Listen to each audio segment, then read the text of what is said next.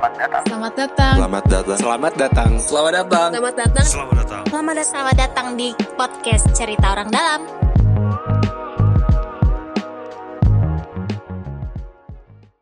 Ya, Em, selamat pagi, siang, sore, malam. Selamat datang di podcast cerita orang dalam. Eh, kenalin gue Nobi. Akhirnya, tapi sekarang malam ini, ah, malam atau siang ini atau segala macam, gue sendirian. Nah, di sini ada orang-orang keren, orang-orang keren. Ada orang-orang keren yang eh, lumayan ramai di eh, medsos gitu kan, dan sempat sering dibicarakan lah gitu kan, sering dan sering berbicara di medsos gitu kan. Yang pertama gue kenalin mungkin eh, kalau di Twitter ini namanya beda gitu. Eh, Prof. Sulfikar Amir. Eh, halo Prof. Halo Nobi, apa kabar? Halo, baik Prof. Nah, kalau di Twitter nih eh, suka- pernah ada yang nanya bukunya Prof. Sulfikar ya yang eh, apa eh, tentang yang sejarah eh, teknologi ya kalau nggak salah Prof. Terus Teknologi, katanya minta minta, ya. minta minta tanda tangan ya ke Prof. Oh iya. Twitternya Prof. Karena nggak pakai nama asli ya, uh, Sociotalker. Siapa itu sociotalker?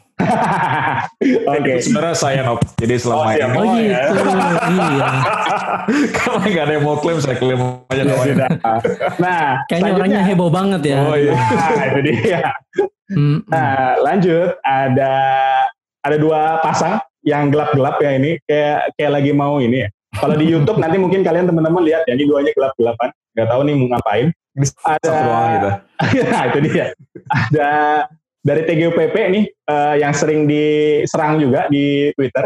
Ada Mas Angga dan Mas Ade. Oh, Halo. gue nggak pernah, gue nggak pernah diserang. Oh ya, Mas Ade nggak pernah ya. Mas Ade nggak main Twitter dia. Gue serahkan semua serangan ke Angga. Mas Angga, oke. Nah, eh, hari ini kita akan bahas apa? Nah, kan nih tadi barusan banget ada yang nanya, Rob, ini PSBB masih lanjut apa enggak gitu. Nah, mungkin kita akan bahas sebenarnya soal soal bagaimana sih mungkin penanganan pandemi eh, sampai eh, ke depannya akan seperti apa dan segala macam. Mungkin eh, tapi yang salah satu yang saya iri adalah Prof, eh, mungkin ke Prof dulu deh, Prof Sulfikar Amir. Eh, Prof kalau nggak salah, eh, Prof sekarang lokasi di Singapura, betul ya, Prof? Di Singapura ya. Di Ya. Jepang Barat. Oh di Jerman Barat. Nah itu saya nggak tahu tuh di mana.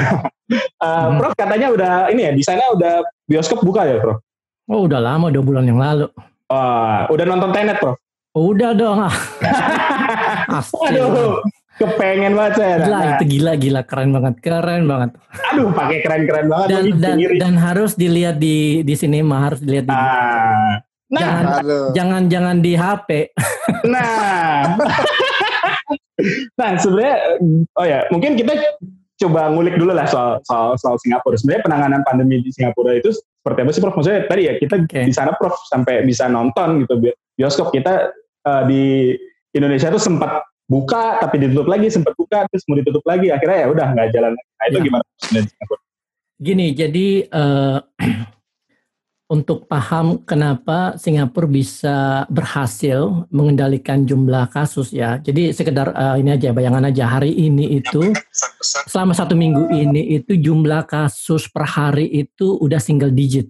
Oh, Bahkan lebih banyak eh, imported case. Jadi orang-orang yang datang dari Indonesia, ya ya itu sering baca itu. Ya kan, Eh, di kalangan komunitasnya sendiri itu jumlah kasusnya itu satu, dua, satu Hmm. kadang nol, Eh, nol itu udah beberapa kali lah, Hmm. ya kan. Jadi itu semacam indikator bahwa eh, pandemi ini berhasil dikendalikan dengan baik oleh pemerintah. Nah pertanyaannya kok bisa, ya kan? Ah, untuk menjawab ini karena gue seorang sosiolog, gue harus kasih sedikit background kenapa mereka bisa. Karena ini kan bukan soal semata-mata apa dokternya banyak, ah, pakar ahlinya banyak, tapi ada satu eh, apa namanya sistem kelembagaan, ya sistem institusional yang eh, memiliki kemampuan untuk merespon krisis semacam pandemi seperti ini gitu. Dan ini bukan ujuk-ujuk apa namanya muncul gitu, enggak ada sejarahnya gitu. Dan sejarahnya itu kembali ke tahun 2003 ketika Singapura itu dilanda SARS. Oh. Jadi SARS ini adalah kakaknya COVID, ya kan? Ya. Jadi SARS ini muncul sama di munculnya juga awalnya di Wuhan dan sebagainya, kemudian lewat Hong Kong terus masuk ke Singapura. Nah Singapura itu belum nggak soal uh, soal wabah ini gitu. Dan akhirnya mereka di lockdown selama dua bulan dan Singapura itu uh, ditutup dari orang-orang yang datang dari luar, ya. Lalu Hmm. kemudian ada sekitar 300 orang yang kena dan ada sekitar uh, 30 atau 40 orang yang meninggal, ya kan. Tapi yang paling fatal itu mereka menderita kerugian sebanyak 50 uh, 50 miliar US dollar. Ya kan? Wow. Dan ini menjadi pelajaran yang sangat-sangat penting buat Singapura karena mereka jadi sadar, oh ternyata kita itu lemah banget di sini ya. Ya kan? Jadi tahun 2003 itu memberi pelajaran yang benar-benar berharga buat Singapura untuk uh, membangun kemampuan dalam mengantisipasi pandemi seperti SARS tahun 2003. Dan sejak itu mereka mulai pelan-pelan uh, apa namanya melakukan perbaikan dari aspek institusi kelembagaan, dari aspek sains ya, uh, dari aspek uh, uh, pendidikan dan sebagainya. Sehingga mereka memiliki satu sistem uh, pandemi nasional waspada pandemi nasional yang benar-benar solid gitu selama. Jadi uh, uh, ketika uh, SARS-CoV-2 ini COVID ini datang ke Singapura mereka Singapura itu sebenarnya sudah melakukan persiapan selama 17 tahun jadi Hmm. mereka udah nunggu mereka udah nunggu kapan nih datang nih kita udah siap nih ya kan dan persiapannya itu memang ter, terlembagakan dengan baik. Jadi Hmm. mereka belajar dari pengalaman bahwa mereka tidak punya lembaga khusus yang menangani pandemi. Sehingga akhirnya mereka bikin namanya NCID, National Center for Infectious Disease. Itu mirip dengan CDC di Amerika Serikat. Nah di Indonesia itu nggak ada, Ah. nggak ada lembaga seperti itu. Nah dan NCID ini itu tidak hanya lembaga tapi juga punya fasilitasnya punya fasilitas, punya rumah sakit dan sebagainya. Nanti uh, uh, bisa cek di video uh, apa namanya di YouTube ya. Jadi NCID fasilitasnya lihat seperti apa gitu. Dan kebetulan banget sebelum uh, SARS-CoV-2 masuk ke Singapura, uh, mungkin tiga bulan sebelumnya itu mereka meresmikan semua fasilitasnya gitu. Jadi mereka udah siap banget, udah siap banget. Tapi memang mereka sempat kecolongan. Hmm. Jadi ketika terjadi uh, ini apa namanya masuk mereka udah siap kan. Jadi mereka udah melakukan testing, melakukan kontak tracing dan sebagainya tapi mereka kecolongan di satu klaster di mana para pekerja migran itu tinggal. Nah, Oh. para pekerja saya sebenarnya saya lagi saya uh, apa menulis satu satu essay tentang ini nanti bisa saya share kalau misalnya tertarik. Siap. Jadi eh, eh, para pekerja migran ini itu tinggal di asrama-asrama yang kondisinya itu benar-benar sumpek banget gitu. Hmm. Jadi kamar itu ada 12 orang, kemudian eh, da- WC-nya cuma tiga dan sebagainya. Pokoknya pokoknya parah lah. Dan memang Hmm. eh, pemerintah Singapura khususnya Ministry of Manpower itu udah dikritik oleh beberapa apa NGO di di Singapura yang concern dengan persoalan eh, para migran ini gitu. Nah, ketika ada orang satu malah kena, boom, boom, meledak, meledak. Hmm. Jadi, keti- jadi kan eh, eh, apa COVID ini masuk ke Singapura awal bulan Januari, lalu kemudian Oh. eh, lalu kemudian eh, enggak akhir akhir bulan Januari ya ada dua orang dari Wuhan orang tua gitu datang ke Singapura jalan-jalan dan mereka ketahuan dan kemudian menyebar. Eh, satu minggu kemudian mereka deklarasikan apa namanya national eh, emergency status gitu, ya kan? Tapi kemudian jumlahnya itu awal-awalnya terkendali. Nah, ketika klaster imigran ini kena meledak bulan Maret naik tinggi dan akhirnya eh, bulan April itu pemerintah mengambil keputusan ya udah kita harus lockdown nih. Mereka nggak pakai istilah lockdown ya, mereka pakai sir- istilah, istilah Circuit circuit breaker. breaker. Circuit breaker. Kenapa circuit breaker? Karena eh, pemerintah Singapura itu terdiri dari elit-elit meritokratik, eh, elit elit teknokratik yang backgroundnya itu sebagian besar engineering. Hmm. Jadi oh mereka iya iya iya iya. Ya. Istilahnya istilah mesin ya. Oh, iya, jadi apa, perdana menteri Singapura kan eh, eh, alumni eh, Oxford sama eh, sama MIT bidang eh, apa namanya computer science ya. Jadi eh, jadi ini oh, memang pemerintah yang eh, teknokratik banget gitu. Jadi pakai mereka pakai uh, istilah circuit breaker lalu kemudian mereka melockdown, melockdown, tapi sebenarnya lockdownnya ini pun tidak 100% seperti di Wuhan ya. Hmm. Jadi uh, semua orang disuruh uh, tinggal di rumah ya. Uh, semua kantor ditutup. Semua kantor hmm. ditutup, cuma esensial service aja yang uh, beroperasi. Dan kita tetap di rumah tapi masih bisa keluar, masih bisa jogging, olahraga dan sebagainya gitu. Tapi polisi jalan ke mana-mana ya kan? Hmm. Nah itu itu itu dilakukan selama dua bulan dan hasil hasilnya itu sangat efektif banget. Langsung drop tuh, langsung drop ketika mereka melihat bahwa jumlah kasusnya sudah menurun secara signifikan, baru mereka buka uh, apa namanya uh, uh, circuit breaker tadi. Circuit breaker tadi pelan-pelan bertahap. Jadi hmm. jadi ada tiga tahap mereka rencanakan gitu. Jadi safe reopening, safe transition, sama safe Singapore. Oke. Okay. Nah, nah safe uh, reopening itu berlangsung sekitar satu bulan. Jadi orang udah terbiasa kan pakai masker ke mana-mana dan sebagainya. Uh, ya, ada beberapa kegiatan udah mulai dibuka. Sekolah itu pun juga dibuka tapi dibatasi cuma dua kali dalam seminggu. Lalu kemudian masuk ke safe transition. Nah safe transition ini kolam renang udah dibuka, gue senang banget waktu itu. Kolam renang udah dibuka, lalu Bisa dibuka ya? Iya. iya, lalu kemudian bioskop. Oke. Okay. Nah safe reopening nih eh, safe transition. Sekarang mereka sudah uh, uh, uh, dengan jumlah kasus per hari yang sangat rendah ini sudah terkendali, mereka udah uh, siap-siap masuk ke safe Singapore. Ini long term nih sambil hmm. menunggu uh, vaksin. Vaksin. Jadi ya safe Singapore ini itu uh, uh, uh, Universal Studio udah buka. Oh, wow. Ya. Wow. orang udah bisa pesta sampai 50 orang udah bisa pesta, udah bisa dine in, ada dine in lebih dari lima orang. Terus kemudian kita udah bisa ketemu, uh, udah bisa bertamu. Sekarang belum bisa. Hmm, hmm. Gitu. Udah sempat pemilu juga ya kalau Udah sempat pemilu. Waktu pemilu itu sempat yeah. naik dikit, sempat oh, naik dikit, okay. sempat naik dikit, tapi kemudian langsung uh, turun turun lagi karena uh, apa jumlah kasusnya itu masih cukup bisa dikendalikan oh. oleh uh, kontak tracing dan testing. Hmm. Nah, lockdown itu kan dilakukan ketika kontak tracing sama uh, testing ini itu udah nggak terlalu uh, ampuh untuk uh, hmm. uh, mengendalikan jumlah kasus yang menyebar gitu. Nah, seperti hmm. itu gitu. Jadi uh, uh, ya kok situasinya seperti itu uh, sekarang di Singapura. Jadi uh, jumlah kasus per hari itu udah sangat rendah. Hidup itu sebenarnya udah kayak biasa, kayak normal aja. Cuma kita harus pakai masker. masker ya. Okay. Uh, saya pun ngajar juga udah bisa ngajar di kelas. Ya, oh, gitu. Uh, uh, cuman ada ada ada ada batasan kalau misalnya mahasiswanya di atas 50 itu harus online.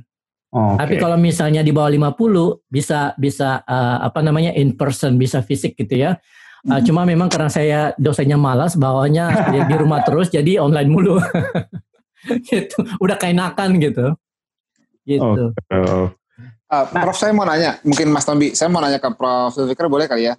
Ya, ya boleh, boleh, boleh. boleh dong. Berarti kan sebenarnya gini, kalau berkaca dari tadi Prof Zulfikar sampaikan gitu ya, sebenarnya negara-negara yang terdampak SARS itu mengendalikan COVID itu jadi dengan lebih lebih baik Betul. gitu ya. Uh, tai ya. Taiwan, uh, Hong Kong juga. Emang, uh, ya. China, Indonesia kan juga sempat kena SARS, Prof. Maksudnya kita sempat Indonesia sempat kena uh, SARS meskipun belum sampai uh, uh, pa, apa pandemik atau outbreak gitu ya. Tapi misalnya dulu kan waktu uh, uh, SARS itu juga cukup ramai gitu. Kenapa? Kenapa ya? Kenapa okay. kita nggak? Nah, that's a good question ya.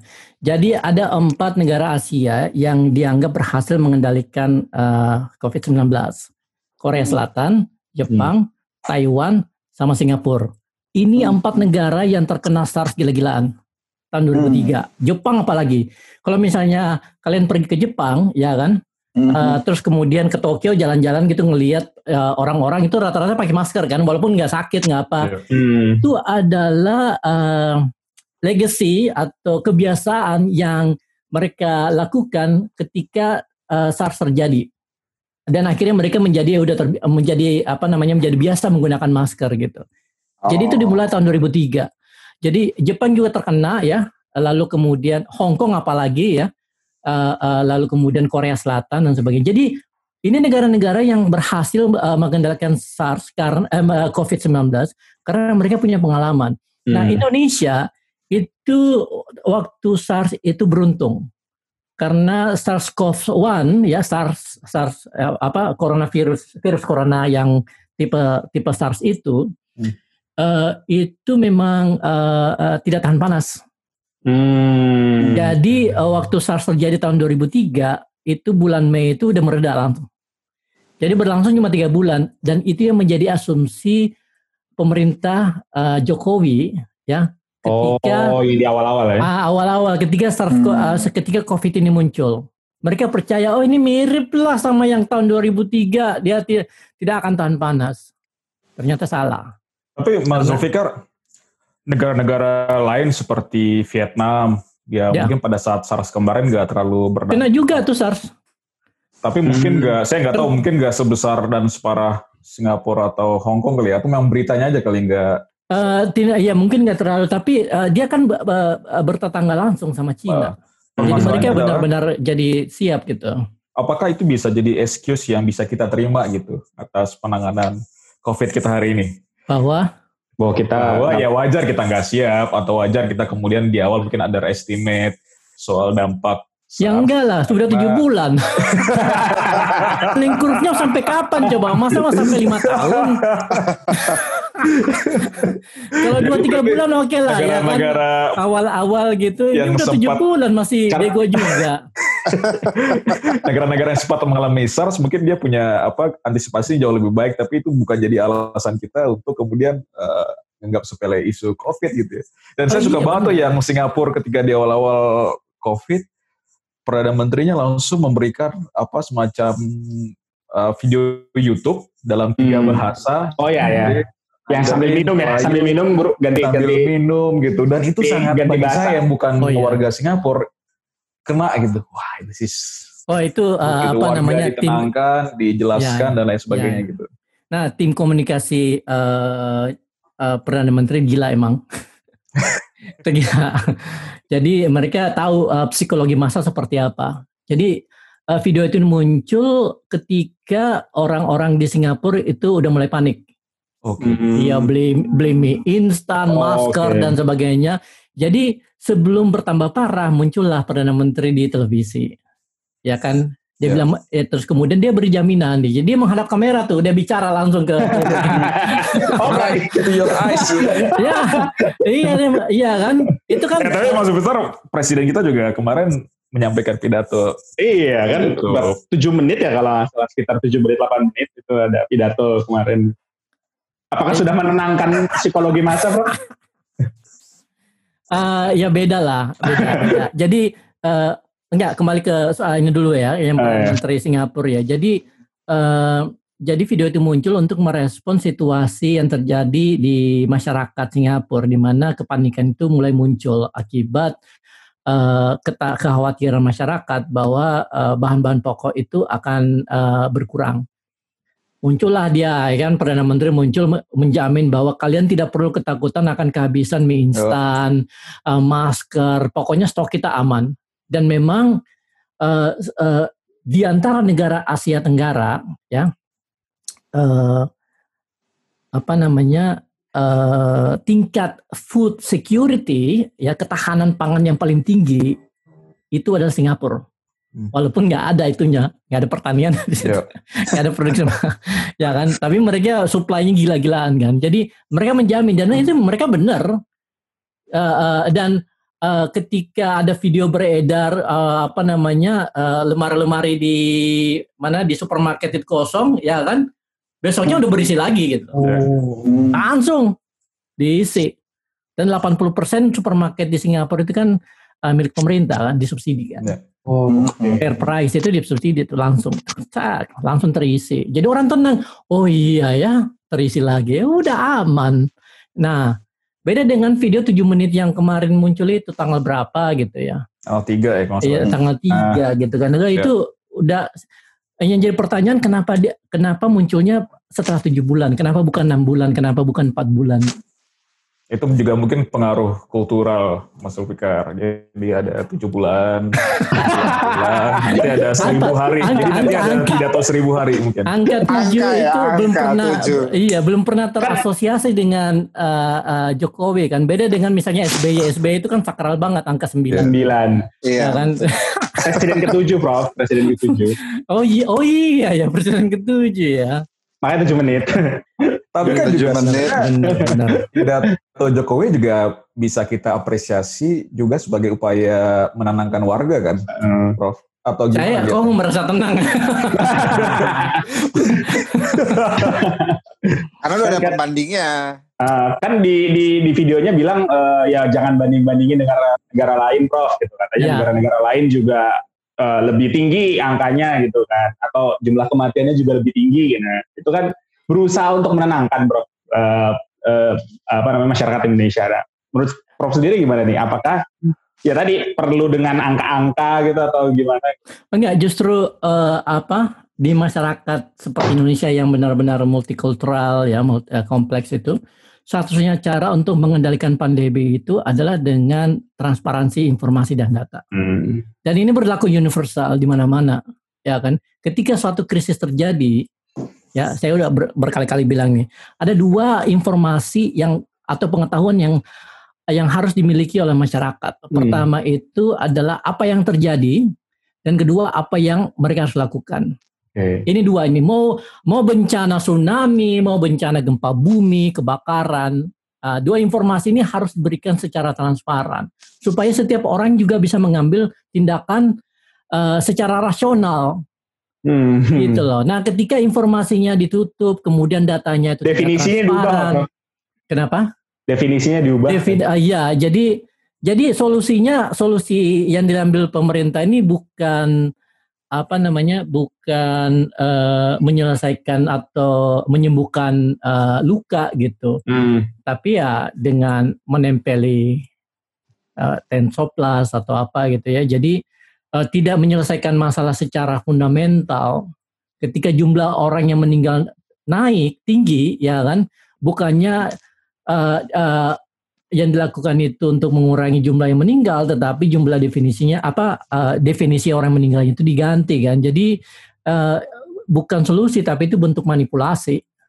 Hmm, Iya. Nah itu kan kondisinya banyak ya daerah-daerah yang atau atau banyak kayak misalkan tadi ada daerah yang tadi bilang ganti definisi atau mungkin angkanya sama dan segala Iya. macam. Nah, transparansi data jadi jadi satu hal yang Iya. kayak berat banget ya kalau mungkin tapi ada tapi menarik tuh Prof ngomongin transparansi data nih. Em, kalau saya lihat ya di, di medsos dan segala macam tuh yang nyerang soal Jakarta itu lumayan tinggi. Kenapa? Karena memang datanya di Iya. Jakarta itu lumayan lumayan lengkap ya, Ya. transparan gitu. Nah ini mungkin eh, nyambung ke entah siapa nih Mas Angga atau Mas Andi silakan ada yang ngomongnya? Apa?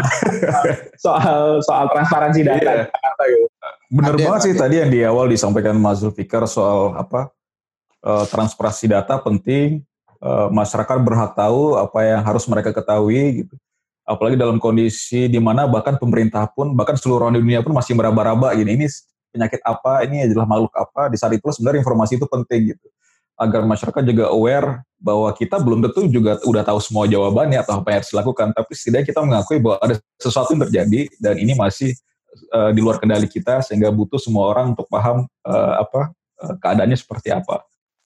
Dan DKI Jakarta di awal mendorong itu selalu ke depan bahwa fakta dibanding semua informasi lainnya gitu. Dan sampai sekarang menurut kita justru eh, itulah menurut kita yang harus dilakukan. Dan saya nggak tahu kalau ternyata respon di sosial media justru banyak yang menyerang ya. Dan mungkin karena banyak hal yang bisa diserang karena datanya tersedia, jadi semua orang bisa melihat dari pisau analisis mana pun, oh angkanya naik, oh atau misalnya eh, jumlah orang meninggal meningkat, orang yang dikubur dengan protokol COVID meningkat dan lain sebagainya. It's, uh, di situlah menurut saya menariknya karena semua orang bisa melihat dan bisa me- mencari tahu apa yang sebenarnya terjadi. Karena bisa jadi juga apa bisa jadi juga ada kesalahan dari misalnya pemprov eh, apa dalam melakukan kebijakan tertentu misalnya oh kok misalnya kemarin kalau nggak salah ya psbb eh, berjalan tapi kasus positif rate Oh, ya. kenapa stabil gitu Wah itu nggak akan bisa dikritik kalau datanya nggak kita sampaikan Hmm. ke publik kan hal-hal yang seperti itu gitu.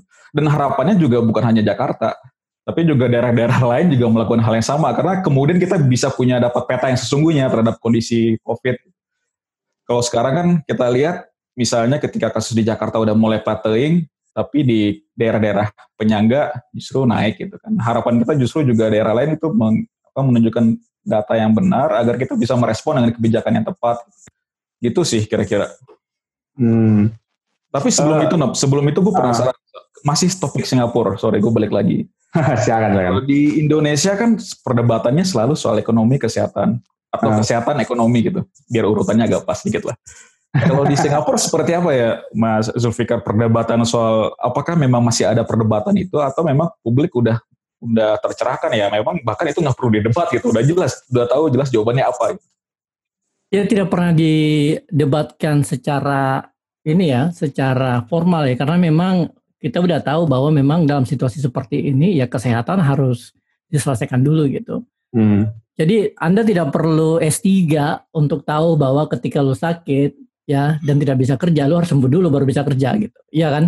Hmm. Eh, ya sama lah seperti situasi seperti ini gitu. Cuma memang kemudian pemerintah di Singapura eh, memberikan jaminan bahwa oke lah eh, semua yang terdampak eh, ber- eh, terdampak dari kebijakan circuit breaker akan diberi eh, insentif, diberi stimulus, ya kan? Jadi mereka dikasih eh, tambahan gaji, penghasilan, lalu kemudian apa namanya eh, fasilitas kesehatan di, ditingkatkan kapasitasnya dan sebagainya gitu. Jadi orang-orang juga merasa aman untuk dan dan apa rela untuk ber, berpartisipasi di dalam eh, circuit breaker itu gitu. Mereka patuh gitu kan.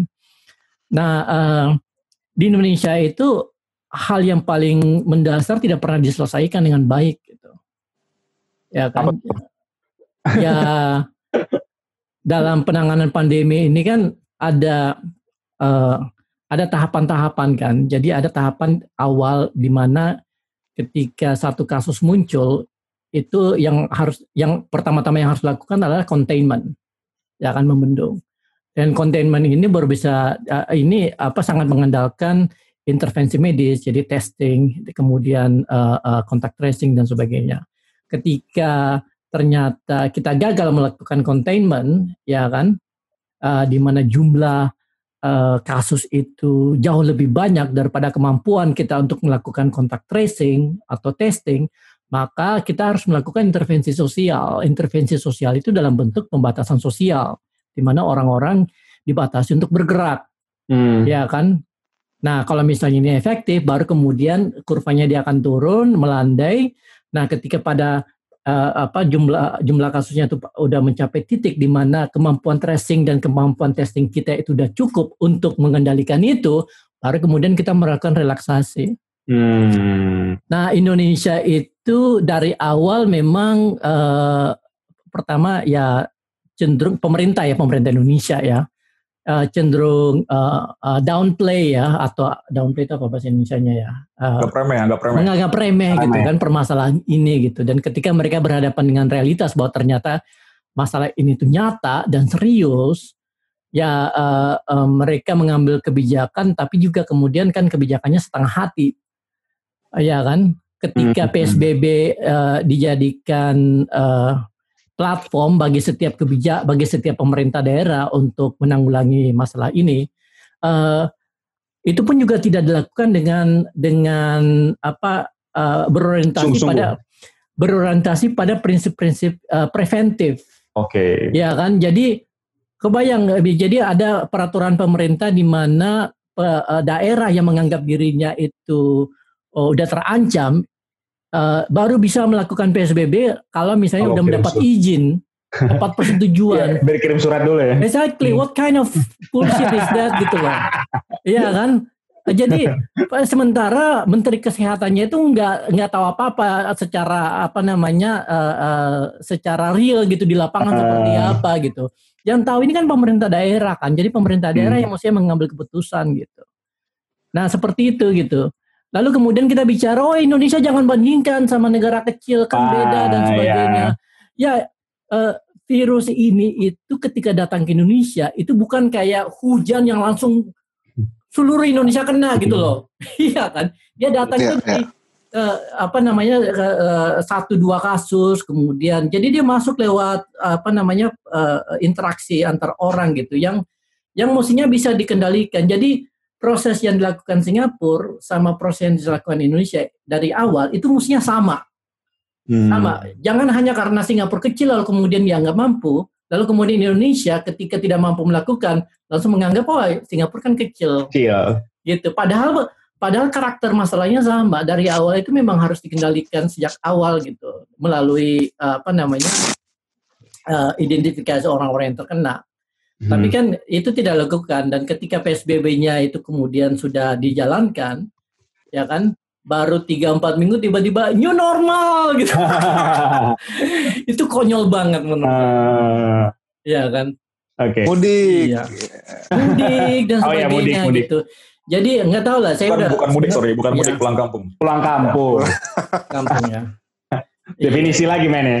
Uh, menarik Prof. Maksudnya tadi ya bahwa Prof bilang bahwa harusnya ya tadi ada ada kebijakan yang yang enggak yang bisa sama gitu ke gak, bukan karena ya udah nih Singapura kecil uh, tapi kebijakannya beda sama Indonesia gitu. Kan sempat ya kalau nggak salah awal-awal itu Jakarta juga pernah pengen lockdown gitu. Makan makanya ini ketika ada video Pak Jokowi bilang gitu jangan sosok lockdown atau atau apa namanya uh, provinsi ya. daerah dan segala macam gitu cukup apa uh, saya lupa ya pembatasan sosial ber, berbasis eh, berskala mikro nah, itu. saya juga baru tahu maksudnya itu nggak ada kan jadi di uh, uh, kata-kata itu maksudnya di secara aturan kalau nggak salah nggak ada ya kata mungkin Prof menanggapi nih bahwa tadi ya udah gitu kan Indonesia beda gitu nggak mungkin lockdown itu kan akan mengorbankan masyarakat gitu kan jadi nggak yeah. mungkin itu gimana bro? Nah, Nasa saya mau cerita sedikit tentang konsep uh, apa namanya PSBM itu ya. Jadi waktu awal Maret ya kan uh, pertengahan Maret lah saya pikir hmm. saya lihat Jakarta ini Jakarta sudah harus lockdown nih waktu itu kan saya pikir. Tapi kemudian nggak dilakukan gitu. Yang dilakukan nunggu-nunggu lalu kemudian akhirnya keluarnya PSBB kan. Hmm. Uh, tapi saya ngelihat memang oh mungkin masya mungkin pemerintah uh, apa namanya pemerintah pusat itu uh, uh, apa namanya uh, kekhawatirannya kalau misalnya lockdown akan berdampak secara ekonomi kan. Hmm. Lalu kemudian saya dengan mahasiswa saya di sini itu bikin satu konsep namanya micro lockdown. Hmm. Jadi itu ada working papernya, ada working papernya lalu kemudian saya jadiin artikel juga yang kemudian dimuat di Kompas di awal uh, April kan. Okay. Jadi konsep macro lockdown itu kita udah buat simulasinya ya. Uh, jadi uh, uh, ada ada modelnya ya. Secara saintifik itu kita buat dan memang uh, konsep micro lockdown itu adalah jalan tengah antara total lockdown ya hmm. sama uh, social distancing. Gitu. Nah, working paper ini itu saya kasih ke dua menteri di Indonesia. Hmm. Ya, ada dua uh, dua menteri uh, satu itu saya yakin dia terima. Kenapa? Karena saya kontak satu teman, ya politisi lah ya. Lalu kemudian dia tunjukin ke saya, oh ini udah terima sama Pak Menteri ini gitu. Oke. Okay. Udah dibaca. Apa, kalau boleh tahu mas? uh, Menteri Dalam Negeri. Oh, Oke. Okay. Ya, Pak Tito.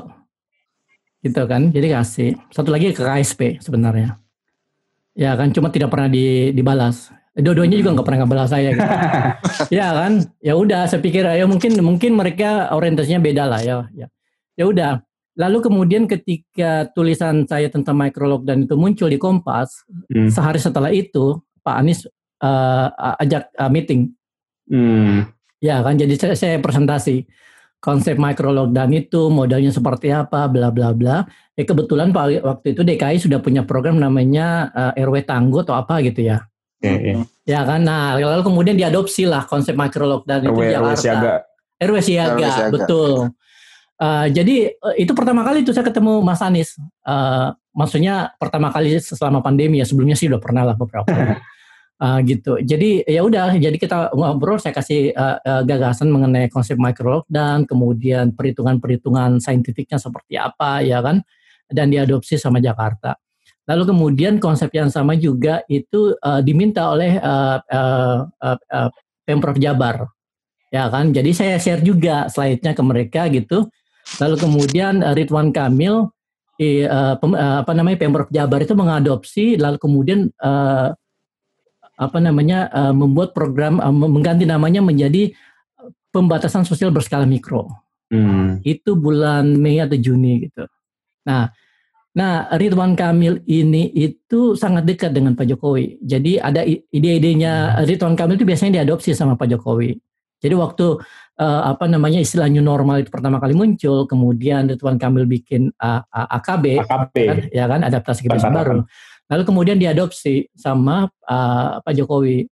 Nah sama juga dengan PSBM ini sepertinya sepertinya gitu ya menurut saya uh, lajurnya sampai ke sana ke pemerintah itu sama kayaknya. Jadi kemudian akhirnya Pak Jokowi uh, mendapat uh, masukan oh ini ada nih ada konsep baru nih namanya micro lockdown gitu ya kan. Tapi somehow mereka mungkin tidak mau mengakui siapa yang Apa yang mengusulkan mengusulkan? dia gantilah namanya jadi mini lockdown gitu. Micro lockdown, mini lockdown, nanti kalau kecil nano lockdown. Nano lockdown. iya gitu kan. Jadi waktu pertama kali saya dengar mini apa lagi ini mini lockdown gitu. Jadi eh, ya mereka nggak tahu lah. eh, eh, buat saya saya saya saya tidak mengambil kredit ya, tapi Hmm. eh, selama mereka memang punya justifikasi, punya konsep yang bagus dan sebagainya gitu. Oke lah. Hmm. Konsep micro lockdown sendiri udah udah saya share dengan teman-teman epidemiolog, dengan Pak Pandu, dengan teman-teman di Unair gitu dan dan eh, eh, apa namanya eh, eh, mereka memverifikasi bahwa iya bisa bisa bisa efektif gitu. Ya kan karena kan gue backgroundnya kan sosiologi bukan bukan Hmm. eh, bukan public Betul. health. Jadi gue juga butuh justifikasi eh, verifikasi dari orang-orang yang tahu gitu. Tapi eh, prinsipnya kan sebenarnya fenomena apa namanya eh, uh, pandemi itu kan bisa dilihat dari dua kacamata kan. Pertama dia adalah fenomena biologis, ya kan karena kita ber- ber- berurusan sama uh, virus kan. Uh, nah, uh, tapi di sisi lain pandemi itu kan juga fenomena sosial kan. Hmm. Karena penyebarannya itu sangat tergantung oleh uh, pola perilaku uh, interaksi masyarakat gitu. Nah, ini kajian sosiologi. Di sosiologi kan ada medical sosiologi, ada public public health sosiologi dan sebagainya gitu. Jadi pandangan itu yang gua pakai untuk mem- eh, untuk mengembangkan konsep micro lockdown gitu. Lalu kemudian kita pakai pemodelan lah, ada beberapa simulasi komputer kita pakai di situ dan menunjukkan bahwa eh, eh, konsep ini bisa diterapkan di Indonesia dengan jadi kelebihannya itu adalah bahwa dia lebih baik dari eh, eh, social distancing secara luas, eh, tapi juga eh, eh, lebih murah daripada total lockdown karena masyarakat masih di, di, di ya, masih masih bisa beraktivitas gitu pada skala skala kecil gitu. Dan menarik juga sih karena apa mini lockdown itu kan justru me- apa meyakini bahwa secara kultural memang manusia Indonesia tuh hidup dan bergerak dalam komunitas gitu dalam masyarakat. Memang, iya. Dan kasus COVID itu memang cenderung apa tipe yang sangat lo lihat deh negara-negara yang kena rata-rata negara-negara yang extrovert gitu, yang interaksi atau sosial masyarakatnya gede. Sering nongkrong. Kalau di Eropa Yang itu selalu nongkrong. bagian apa uh, Southern Europe, yang, yang utara, yang utara nggak terlalu ini. Spanyol, yang bagian orangnya tipe memang suka ngobrol ke mana-mana gitu kan, intensitas dengan masyarakatnya tinggi atau lihat di Amerika Selatan, mungkin Brazil segala Ya. macam Hmm. dan uh, dan dan tipe masyarakat seperti ini memang kalau lo paksa nggak ke mana-mana hanya di rumah saja gitu, emang Ya. uh, stressful gitu. Karena sosiologi itu kita nggak equip untuk bisa beradaptasi dengan lingkungan yang sangat solitude gitu gitu kan.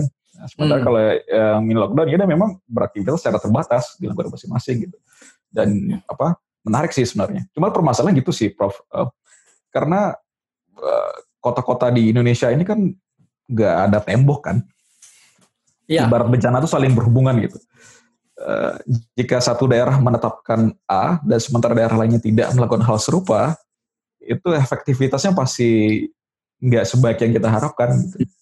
Dan Iya, jadi itu, itu yang jadi betul. masalah memang. Jadi Ah. eh, di dalam model kita, eh, jadi konsep micro lockdown itu kita bikinin simulasi dan memang eh, yang kita anjurkan sebenarnya konsep awalnya itu adalah ketika micro lockdown diterapkan, semua RW itu melakukan secara bersamaan, secara serentak. Oh, Oke. Tapi sebenarnya levelnya bukan RW karena RW terlalu kecil. Kita mintanya waktu itu ke Jakarta eh, level kelurahan, Hmm. ya kan? Itu Iya, jauh, eh, eh, dan dan eh, cukup manageable lah. Walaupun mungkin mungkin secara infrastruktur agak agak repot. Yang lebih ideal sebenarnya itu di kota-kota yang lebih kecil seperti Surah Bandung ya. Bandung itu kita udah bikinin modelnya itu udah cantik banget loh, ya kan? Tapi akhirnya mereka modifikasi dan kemudian uh, Ridwan Kamil ini kan tidak punya otoritas di Bandung, Bandung. kan. Dia otoritasnya kan di Jawa Barat, Barat. kan. Jawa Barat. Dan dia cuma bisa akhirnya konsepnya itu dipakai untuk uh, memitigasi penyebaran penyakit, eh, penyebaran COVID di desa-desa di kabupaten- kabupaten-kabupaten di di Jawa Barat, di Cianjur, di mana namanya Karawang dan sebagainya. Tapi memang basisnya itu komunitas. Jadi konsep Hmm. micro lockdown itu basisnya komunitas dan itu kita merujuk pada dokumennya dokumen yang dikeluarkan oleh WHO tahun 2018 bahwa penanganan pandemik yang paling efektif itu adalah penanganan yang melibatkan masyarakat. Kenapa? Karena masyarakatlah yang terpapar gitu. Walaupun di Jakarta kebanyakan pejabat ya. Iya, tapi Pejabat pejabat kesehatan pula gitu. Iya, menarik emang. Emang sebenarnya gini, waktu waktu di Jakarta itu kan diadopsinya jadi PKBL ya, pe- eh, pengendalian ketat berbasis eh, eh, Komunitas. pengendalian kegiatan berbasis lokal gitu. Jadi Hmm, memang eh, turunannya jadi ke RW RW gitu karena hmm, kan infrastruktur terkecil di Iya. infrastruktur terkecilnya kelurahan tapi dia di RW. Nah, menarik itu ketika eh, PKBL itu diterapkan, memang per dua minggu itu kasus di RW-nya turun gitu. Tapi Iya. karena Yang lain karena naik.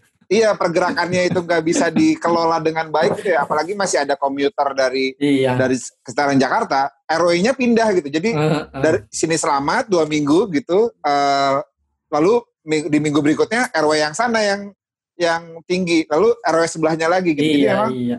eh, secara konsep memang eh, jalan banget gitu ya. Tapi karena kegiatannya masih nggak terbatas gitu, ada komuter masuk, eh, mereka ke kantor di kantornya eh, apa kena di situ gitu. Lalu apa pulang ke, ke komunitasnya jadi spreader. Jadi memang em, harus apa ya? Harus itu Harus tadi rentak. sepakat sama Ade, iya harus rentak dan harus sama gitu, harus sinkron. Kalau nggak Mm, mm. kalau nggak sinkron itu jadi jadi apa namanya jadi selamatnya ya satu RW selamat Satu nanti RW RW yang lain kena Iya, nanti iya. RW yang lain berikutnya selamat gitu yang nerapin yang nutup gitu yang gitu sih makanya em, begitu kemarin PSBB eh, eh, lanjutan gitu eh, emergency break eh, lalu apa ada kekhawatiran kayaknya emergency break ini eh, cuma akan menyelamatkan dalam tanda kutip ya Jakarta karena Tadi, hmm. eh, Jakarta angkanya kan udah flat gitu. Cuma di sekarang udah mulai flat, belum turun tapi udah flat gitu. eh, yang sekitar belum. belum. Soalnya dine- bisa dine in di Bekasi dan Depok. dan iya. Nah itu menurut Prof gimana Prof? Maksudnya ya tadi ya kondisinya mungkin eh, ngomong-ngomong soal eh, tadi soal micro lockdown, soal PSBB, eh, mungkin kalau di Jakarta bisa diterapkan, tapi akhirnya kan mungkin karena komuter ya eh, banyak orang Depok ke Jakarta, Ya. kerja di Jakarta, banyak orang Bekasi Ya. kerja di Jakarta, dan akhirnya ya tadi nggak karena nggak serentak, ya virusnya tetap ada gitu, akhirnya tetap ya muter-muter di situ aja gitu. Itu juga. Iya, jadi memang untuk untuk untuk eh, isu ini memang akhirnya kita bisa bi- bisa bilang bahwa "Oh, Indonesia kan bukan Singapura gitu. Hmm. ya setelah udah parah gitu. ya, tapi ya memang akhirnya jadi lagi kompleks kan walaupun sebenarnya ya kompleksitas ini terjadi karena kegagalan di awal-awal Hmm. sebenarnya gitu. Jadi eh, jadi jangan sampai kompleksitas ini menjadi excuse bahwa "Eh, kita nggak bisa bandingin Indonesia sama seperti Malaysia yang cuma 30 juta Hmm. ya kan atau eh, New Zealand yang cuma 5 juta gitu. Eh, ya excuse yang udah udah nggak relevan gitu Ya. karena situasi memang udah parah kan. Ya. Tapi ya memang eh, ya eh, tidak ada jalan lain bahwa kalau misalnya Jakarta mau dibersihkan dari COVID, ya daerah-daerah sekitarnya juga harus dilakukan secara bersama-sama gitu. Ya, sekarang kan yang jadi masalah siapa yang mampu melakukan itu? Hmm.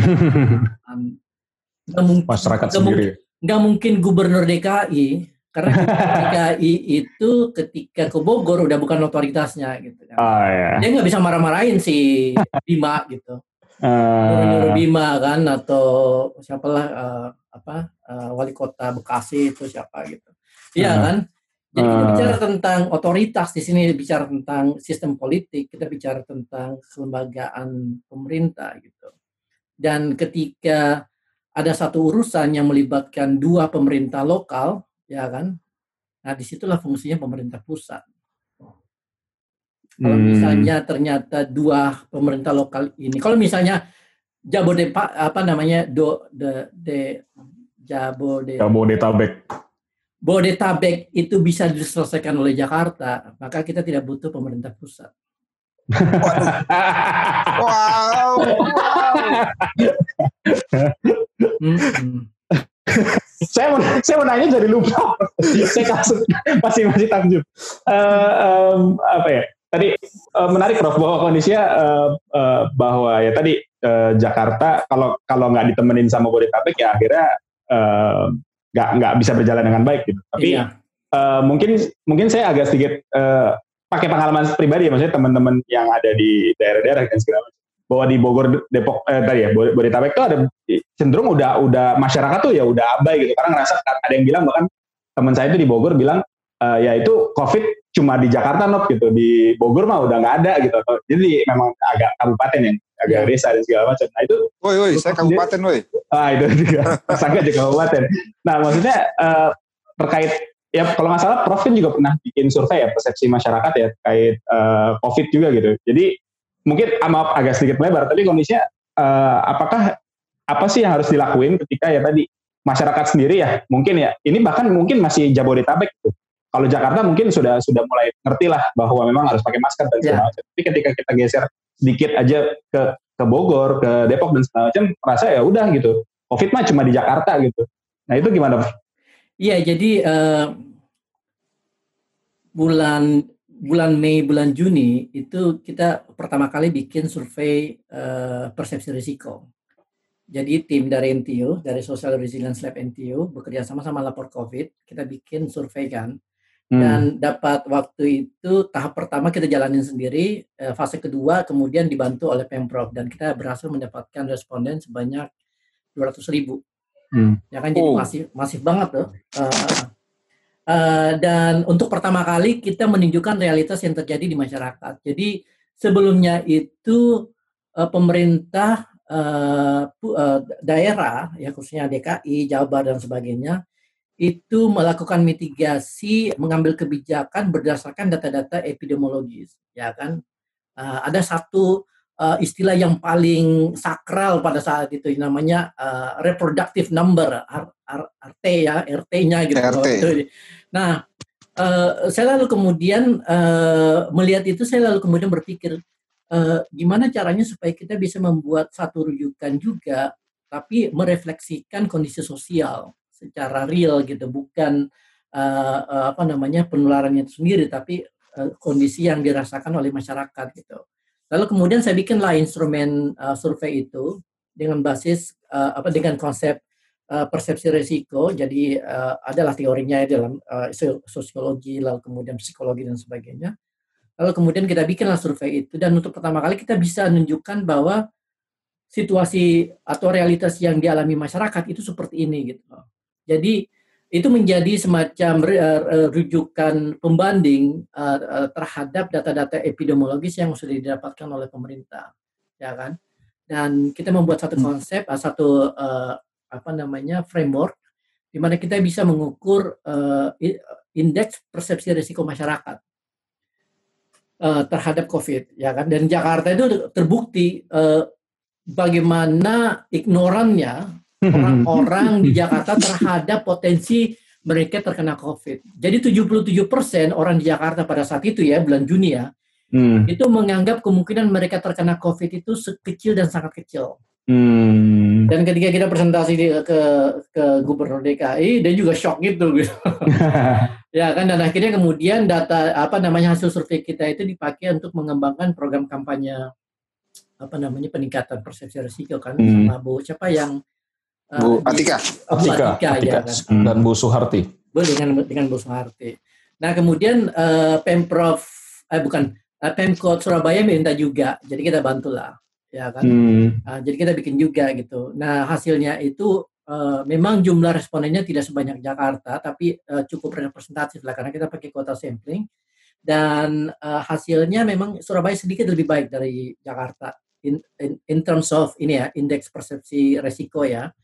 Eh, walaupun situasinya memang chaos, chaos banget kan Pak, pada saat itu di Surabaya. Jadi uh, gue dan tim juga waktu itu sempat presentasi di depan Bu Risma gitu dan kelihatan banget bagaimana Bu Risma itu benar-benar one woman show aja gitu karena ketika kita presentasi ya cuma dia sendiri nggak ada wakilnya nggak ada orang di sampingnya gitu Jadi, Hmm.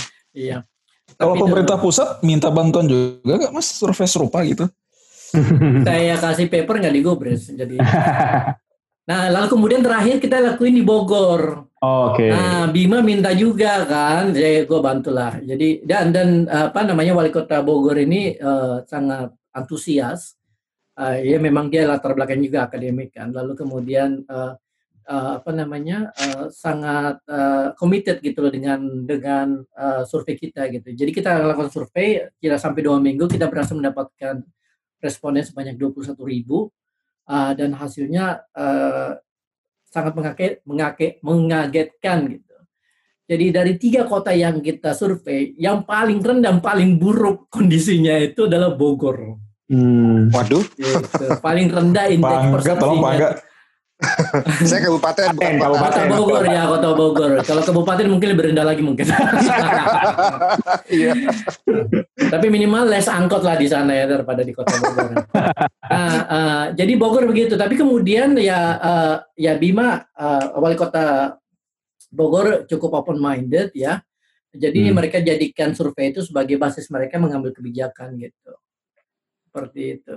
Hmm. Tapi memang ya penanganan di Jakarta ini kalau saya lihat tidak akan pernah selesai. Jadi eh, saya sebenarnya eh, agak agak sedikit kecewa dengan PSBB jilid 2 ini Nah, kenapa tuh Prof?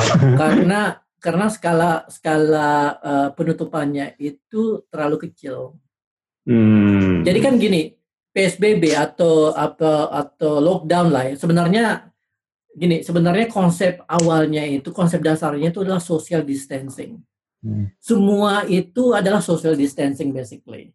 Mau disebut total lockdown, micro lockdown atau circuit breaker itu social distancing. Jadi konsep social distancing itu di eh, apa dikembangkan pertama kali oleh diterapkan oleh pertama kali oleh CDC di Amerika Serikat pada zaman Spanish flu 1918 gitu. Ya kan jadi basically ini adalah sebuah bentuk intervensi sosial di mana masyarakat itu eh, berinteraksi apa interaksi masyarakat itu dikurangi secara apa ya secara paksa gitu ya kan? Nah eh, eh, social distancingnya eh, lalu kemudian ini yang menjadi framework dari public health eh, policy di mana-mana dalam eh, mengendalikan atau merespon kondisi pandemik nah ada dua sebenarnya eh, variabel penentu atau det- det- determinan ya apakah satu eh, program social distancing apa pun namanya itu berhasil atau tidak. Pertama itu scale of closure, ya kan skala skala penutupan. Ah, skala penutupan ini sebenarnya kan eh, gini, jadi eh, basically ini kan kita bicara tentang virus yang sebenarnya kan tidak bergerak kan, yang bergerak kan manusia kan. Hmm. Nah, sebenarnya Jakarta itu bisa kita bersihkan dari COVID-19 itu cuma butuh waktu tiga minggu sebenarnya. Wow. Dengan syarat cuma satu. Semua orang tinggal di rumah dalam waktu tiga minggu, tidak ke mana-mana. 100% tidak ada apa namanya eh, mobilitas. Nah itu Hmm. tiga minggu aja. Atau misalnya ini kita berlakukan seluruh dunia, ya kan seluruh dunia itu orang tinggal di rumah tiga minggu. COVID ini akan pergi, akan selesai, tidak butuh vaksin, Iya sih benar juga sih. ya kan? Karena inkub- inkubasinya kan dua minggu, 14 Exactly. hari kan. Betul, iya kan? Ketika orang tidak bertemu orang lain, yang sakit pun tidak menularkan ke orang lain, ya kan? Apakah dia akan meninggal atau kemudian sembuh, ya kan? Tidak akan terjadi penularan. Lalu kemudian ya virusnya akan hilang. Hmm. Sebenarnya kan gitu. Nah, Hmm. ini konsep ekstrim dari social distancing. 100% ya penutupan atau pembatasan sosial. Cuma kan tidak mungkin 100%. Iya. Ya kan? Tidak mungkin. Karena pasti ada orang yang sakit yang perlu dirawat, dirawat, kita butuh makan dan sebagainya gitu kan. Makanya namanya total lockdown itu tidak pernah 100% penutupan. Pasti ada eh, sektor-sektor yang dibiarkan bekerja untuk uh, uh, apa namanya menopang kehidupan masyarakat di wilayah yang dikarantina atau di lockdown. Ya. ya kan? Nah, di sini kita bicara bicara scale of closure. Hmm. Jadi karena kondisi apa namanya uh, kondisi uh, ekstrem tidak mungkin kita lakukan, harus ada sektor-sektor yang dibiarkan berjalan.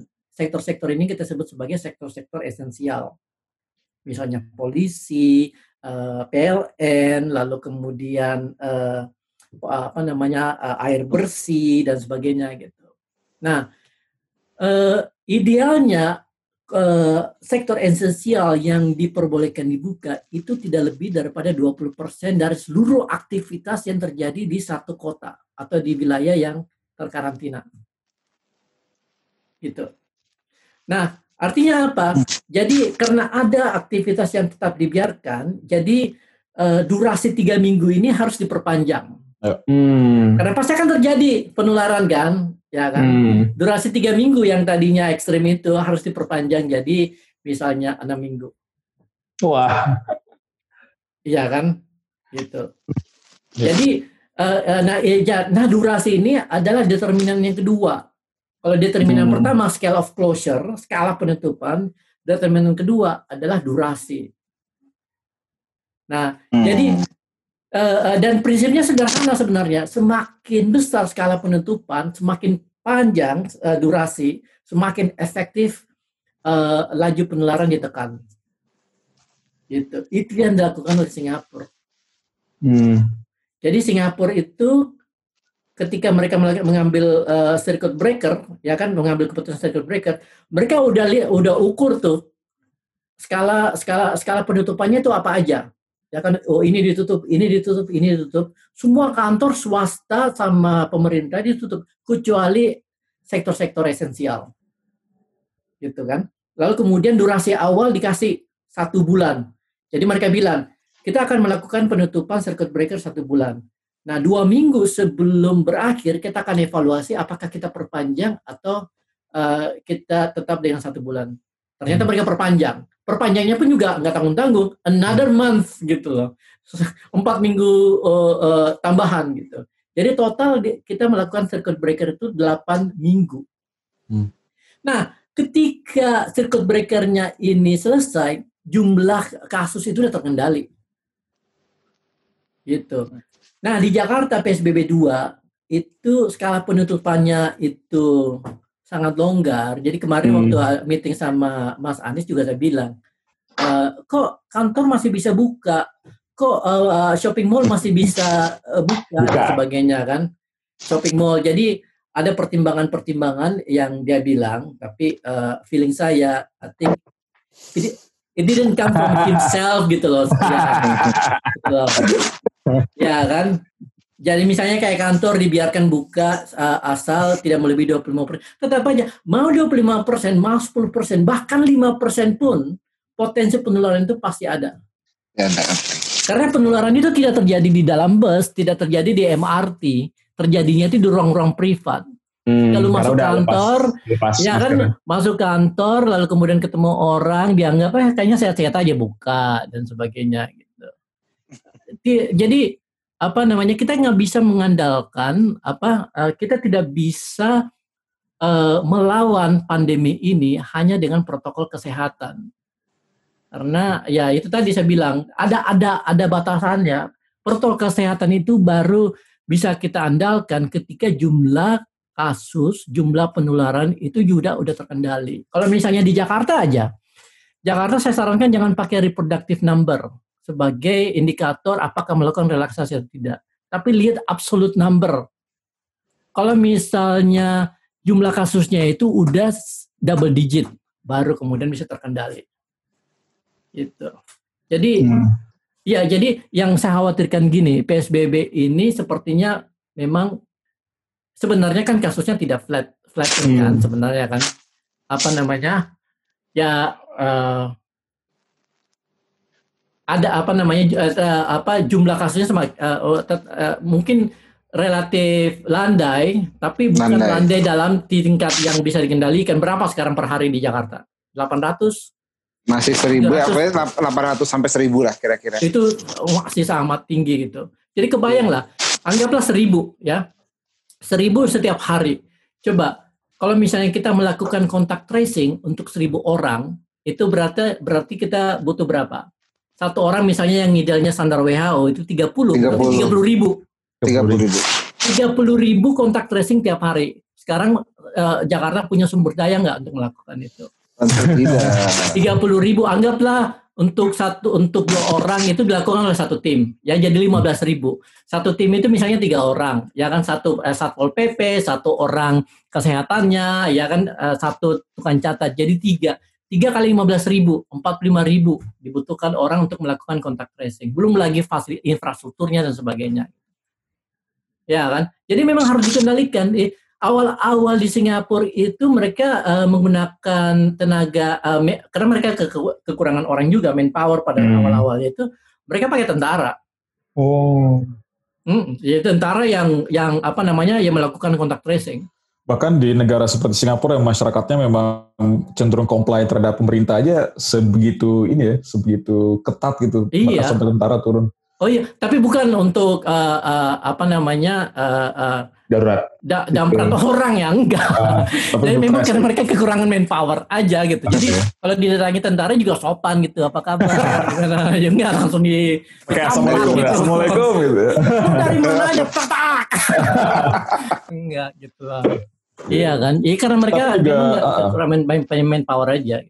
Dan untuk strategi saat ini juga kalau boleh nambahin, eh, kita juga pada saat yang bersama lagi mencoba memperkuat tracing itu Mas Zulfikar Eh, melalui pemerintah pusat ya, Kementerian eh, Pak Luhut itu juga mau menggalang mungkin termasuk di dalamnya TNI Polri untuk membantu eh, tenaga dalam proses tracing Iya. di level masyarakat gitu. Ya walaupun mungkin telat berapa bulan tapi setidaknya Hmm. we have finally come to a reala- realization. Ya, ya, ya, ya. Ya, tapi kan kemudian ya, eh, kontak tracing dan testing itu juga kan ada Ya. ada ada keterbatasannya juga. Hmm. Benar. Iya. Dan Ya, yang menarik terlalu sebenarnya, tinggi, ya. strategi dari DKI adalah semakin banyak masyarakat terlibat dalam penanganan COVID, semakin kita eh, merasa lebih mudah. Jadi kayak tracer, kita sekarang mendorong justru munculnya relawan-relawan dari publik. Kalau Hmm. dulu mungkin kita masih agak membatasi diri hanya khusus yang memiliki background epidemiologis dan segala macam gitu. Padahal mungkin program tracing itu program yang bisa melibatkan banyak orang tanpa ada spesifikasi yang Bisa di training lah cepat sih itu. gitu. Iya. Bisa di training. Hmm. Dan justru yang kita harapkan adalah munculnya testimoni-testimoni atau narasi-narasi organik masyarakat yang selama ini terlibat langsung dan justru menjadi duta terhadap Hmm. COVID gitu. Oh, gue juga ikut tracing loh, gue sampai kontak orang, teleponin, zoom meeting, Iya. WA, nanya keadaan segala macam gitu. Skalanya masih kecil, tapi kita harapkannya adalah eh, dari skala kecil ini kita bisa dapetin satu bisnis proses yang bisa kita scaling up Ya, gede ya. gitu. Jadi bisa udah oke, bisnis proses bisa kita le- lempar ke TNI, ke Polri, ke relawan lain untuk digandakan. Dan mungkin juga kalau bisa daerah lain kita bisa Ya, apa share juga mungkin materinya gitu. ya, ya. Eh kalau saya lihat sih DKI cukup hopeful lah ya karena testing rate-nya juga udah sangat bagus kan. Iya. Artinya itu membantu kita memahami skala penularannya udah sejauh mana gitu. Iya. Ya kan? Kalau misalnya testing rate-nya itu sangat rendah, lalu kemudian eh, kontak tracing-nya juga rendah ya udah walau-walam lah. Tapi Jakarta sih ya mestinya sih dengan eh, testing per hari Jakarta berapa sekarang? Kita itu bervariasi mas, jadi eh, maksimum capacity itu bisa sampai 12 ribu tes per hari. Wow. Cuman ya. jumlah testingnya biasa variasi 8 ribu sampai 11 ribu. itu orang ya bukan spesifik Orang, ya. orang. orangnya. Ya, ya, ya. Iya. Biasa. Wah. Gue ada pernyataan yang menarik nih Nop, Yap. apa karena waktu juga udah mepet ya. Iya. Kalau misal di Singapura kan gara-gara COVID kemudian ada semacam pencerahan orang terhadap sebuah isu sosial, Mas. Bisa dikoreksi juga bahwa di kelompok-kelompok rentan seperti imigran, ternyata mereka selama ini Ya. jauh dari kehidupan yang layak gitu, seperti tempat tinggal dan lain sebagainya Ya. gitu. Nah di Indonesia tentu banyak ya pencerahan-pencerahan itu. Oh ternyata gini, ternyata itu. Cuman yang paling menurut Mas Zulfikar paling "Ah, anjir, ternyata orang Indonesia tuh kayak gini ya tabiat aslinya gitu atau PR terbesarnya gitu. Ya. Mas, amat lah. bahwa mungkin saya gue nggak tahu. Oh ternyata kesetiakawanan sosial kita juga nggak sebaik yang kita kira mungkin gitu. Atau apa Mas Zulfikar? Enggak, saya pikir kita nggak bisa menyalahkan masyarakat lah. Dalam arti ini situasi memang sangat apa ya uh, istilahnya itu unprecedented gitu, belum pernah terjadi kan. Uh, dan kalau misalnya kita harus menyalahkan orang ya satu-satunya orang yang bisa kita salahkan adalah pemerintah gitu. Karena kan, kan mereka punya sumber daya, mereka punya otoritas, mereka dikasih kekuasaan gitu loh. Ya kan? Kemudian ke, iya, tapi kekuasaan itu tidak dipakai untuk melindungi masyarakat. Nah, itu yang parah kan. Nah, uh, uh, tapi ya udahlah uh, uh, apa uh, ada perlu sesi khusus tentang politik pandemi ya. uh, uh, tapi gini, kalau uh, kalau saya lihat uh, uh, pelajaran yang paling penting ya dari COVID-19 ini di Indonesia uh, itu pertama kita bicara tentang masalah kelembagaan. Indonesia itu tidak punya satu lembaga khusus yang menangani pandemi, menangani wabah, wabah wabah penyakit. Jadi menurut saya, insya Allah kalau misalnya pandemi udah beres ya, lalu kemudian apa namanya pemerintahnya juga udah waras gitu. Jadi uh, oh, sekarang belum berarti ya? Eh, belum lah. Vaksin aja mau dipercepat coba mana mau waras. Uji klinisnya belum selesai. mau suntik-suntik vaksin nanti kalau vaksin kita undang Mas Zulfikar lagi. Iya, ya kan. Nah, nah ya kalau udah waras, ya, uh, hal yang paling urgent, yang penting, yang perlu kita lakukan itu adalah membuat institusi khusus untuk menangani pandemi yang memiliki otoritas penuh biar tidak di uh, apa namanya di uh, apa namanya diambil alih oleh Luhut dan kawan-kawan atau siapa gitu. Jadi harus benar-benar ini gitu, benar-benar uh, powerful, punya otoritas gitu dan punya kompetensi untuk melakukan itu gitu. Uh, dan ketika terjadi situasi krisis, mereka punya uh, kekuatan untuk apa namanya mengambil tindakan. Sekarang kan tidak ya kan? Menteri Kesehatan juga tidak pernah muncul ya kan? uh, saya juga mempertanyakan apakah Indonesia punya Menteri Kesehatan saat ini gitu.